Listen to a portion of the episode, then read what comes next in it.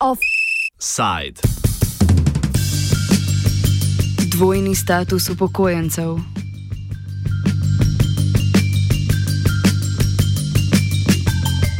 Noveli zakona o pokojninskem in invalidskem zavarovanju SPIS 2 pred jutrišnjo obravnavo na ekonomsko-socialnem svetu podporo v delu, ki uvaja dvojni status upokojenih samostojnih podjetnikov, odreka obrtno-podjetniška zbornica, nezadovoljna z željo Ministrstva za delo, družino in socialne zadeve, da se o noveli po hitrem postopku odloča na vladi v državnem zboru. Na eno od pomankljivosti, ki jih novela prinaša, so danes opozorili v obrtno-podjetniški zbornici. Gre za dvojni status upokojenih samostojnih podjetnikov, ki po spremembi zakona ne bi smeli več opravljati svoje dejavnosti do doseženega 65. leta starosti, razen če imajo vsaj enega redno zaposlenega.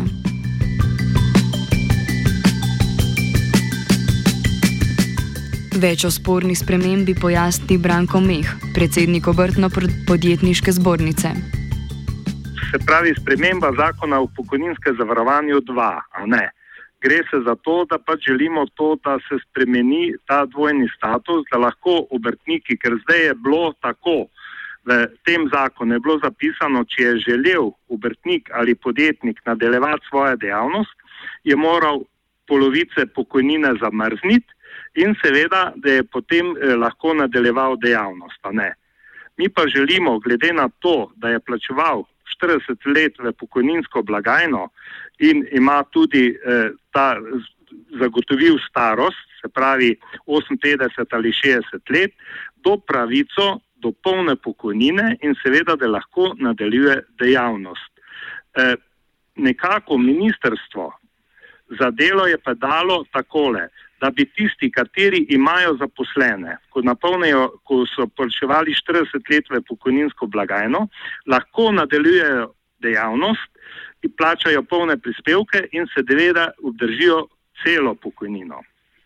Tisti, vse v novem, govorim v novem, kateri se pripravlja, tisti obrtniki samozaposleni, ko nimajo dobenega zaposlenega, pa zakon ta novi predvideva, da bi od 60. do 65. leta bili pač na nekem čakanju, in šele po 65. letu bi lahko imeli enaki status, kot imajo ti zaposleni, eh, ti, ki enega zaposlujejo.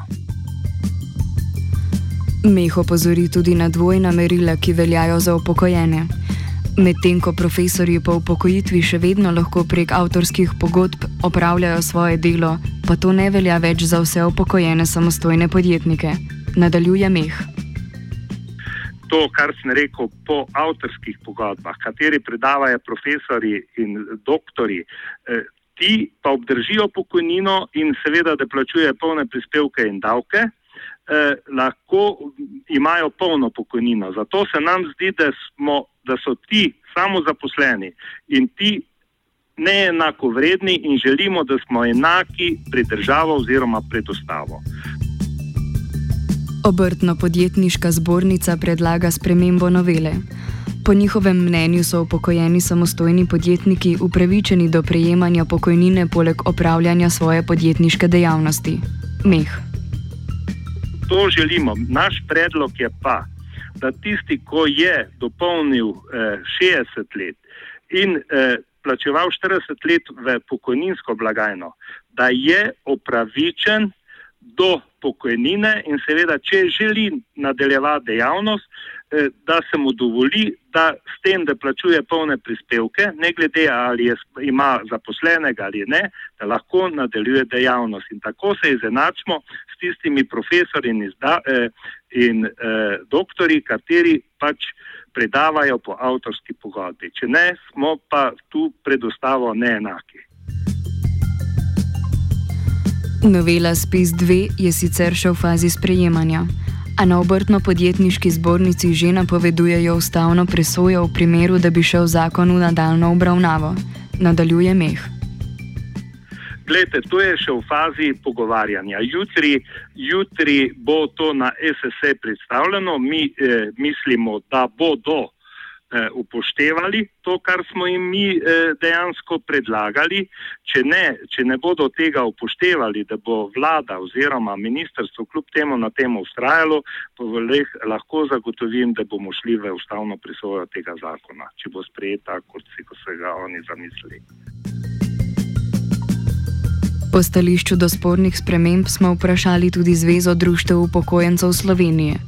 Leta ima podobno mnenje kot obrtno-podjetniška zbornica, govori Vera Pečnik, podpredsednica Zveze.